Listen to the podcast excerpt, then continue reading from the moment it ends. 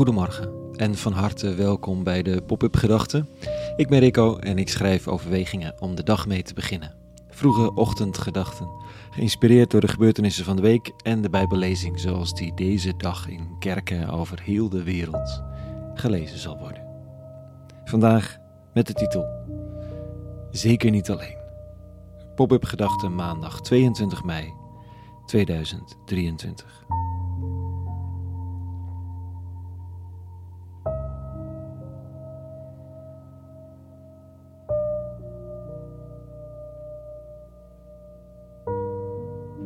Afgelopen donderdagochtend. Het was hemelvaartsdag. Zo'n 60 mensen werden wat stijf en stram wakker in een tentje op misschien wel de minst geliefde kampeerplek van het hele land. Voor de hekken van aanmeldcentrum Ter Apel. Het waren mensen van bijna alle leeftijden, begin 20 tot ruim voorbij de 70. Politieke jongeren, mensen die betrokken waren bij noodhulp aan vluchtelingen, activisten, mensen die nog nooit hadden gedemonstreerd en mensen die er altijd voor te porren waren als het om kwetsbare medemensen ging. Een generator moest die ochtend voor stroom zorgen zodat er koffie gemaakt kon worden, maar zo gemakkelijk was dat nog niet.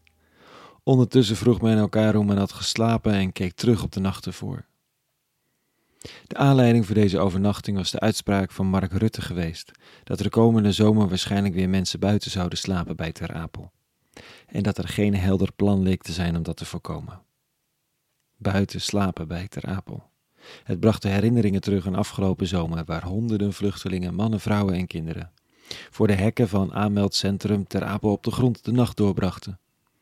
Tentjes werden toen heel soms oogluikend toegestaan, maar meestal weggenomen een rechteloze en redeloze situatie. Dat nooit weer. De jongere Partij van de ChristenUnie Perspectief kwam met een plan, zocht medestanders en zie daar. Een brede coalitie van grote organisaties uit heel veel hoeken van de samenleving ondertekenen een aanklacht, van Oxfam Novib tot de PKN. En het tentprotest voor de deur van het aanmeldcentrum werd door NOS, kranten, radio en tv opgepikt. Tot zover, mooi, tof, succes. Ja, toch? Hm.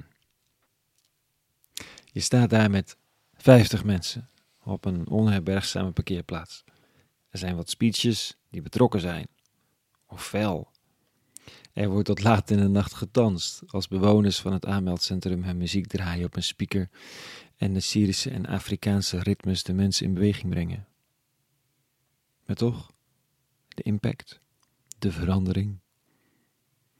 Ja, de staatssecretaris doet zijn best. De situatie noemen we complex. En dat is die ook. En de grote raderen draaien door. Wat de zandkorrels in de machine ook protesteren. En dat geldt niet alleen voor de vluchtelingensituatie, al zit dat nou eenmaal dicht op mijn hart en leven maar voor zoveel van die systemen waar we de verandering niet zien. Groot maatschappelijk of pijnlijk persoonlijk dichtbij. Verandering gebeurt niet zomaar. Je stem verheffen of een stap maken verandert niet per se alles. Het moet wel gebeuren, maar hoe houd je moed? Vandaag in de lezing een paar zinnen van de rabbi uit Nazareth. Korte zinnen, cryptisch, bomvol betekenis die er nog aan ontfutseld moet worden. Het is vlak voor zijn arrestatie en executie en dit staat er. Zie, zegt de rabbi, er komt een uur, ja het is er al, dat u naar alle kanten verstrooid wordt en mij alleen laat. Toch ben ik niet alleen, want de Vader is met mij. Dit heb ik u gezegd opdat u vrede zou bezitten in mij. Weliswaar leeft u in de wereld in verdrukking, maar heb goede moed. Ik heb de wereld overwonnen. Hm. Alleen gelaten worden en dan toch niet alleen zijn. Vrede bezitten ondanks verdrukking of bedrukt zijn, ondanks het gevoel klem te zitten. En dan moed houden omdat de stand van de dingen niet het uiteindelijke verhaal is. De systemen zijn overwonnen, de wereld, of zijn te overwinnen, zijn niet het laatste wat er gezegd wordt in de wereld. Ze bestaan wel en zijn krachtig, maar niet over, onoverwinnelijk. Hun macht is vaker gebroken. En de goede zaak in de steek laten en vluchten. Persoonlijk in mijn eigen leven of maatschappelijk. We doen het allemaal. En dan toch uitgenodigd worden om weer terug te keren, want er is geen man overboord. Vrede vinden en opnieuw de weg lopen. In vertrouwen en met moed. Ja, het is een cryptische tekst. Ergens.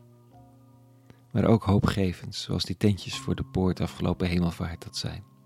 Iets om in te geloven.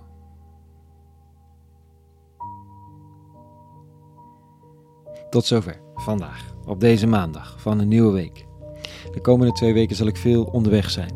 Ik hoop zoveel mogelijk te kunnen blijven doorgaan met de pop-up gedachtes, maar mocht er eens eentje uitvallen, dan komt het daardoor. Ik hou je op de hoogte voor vandaag.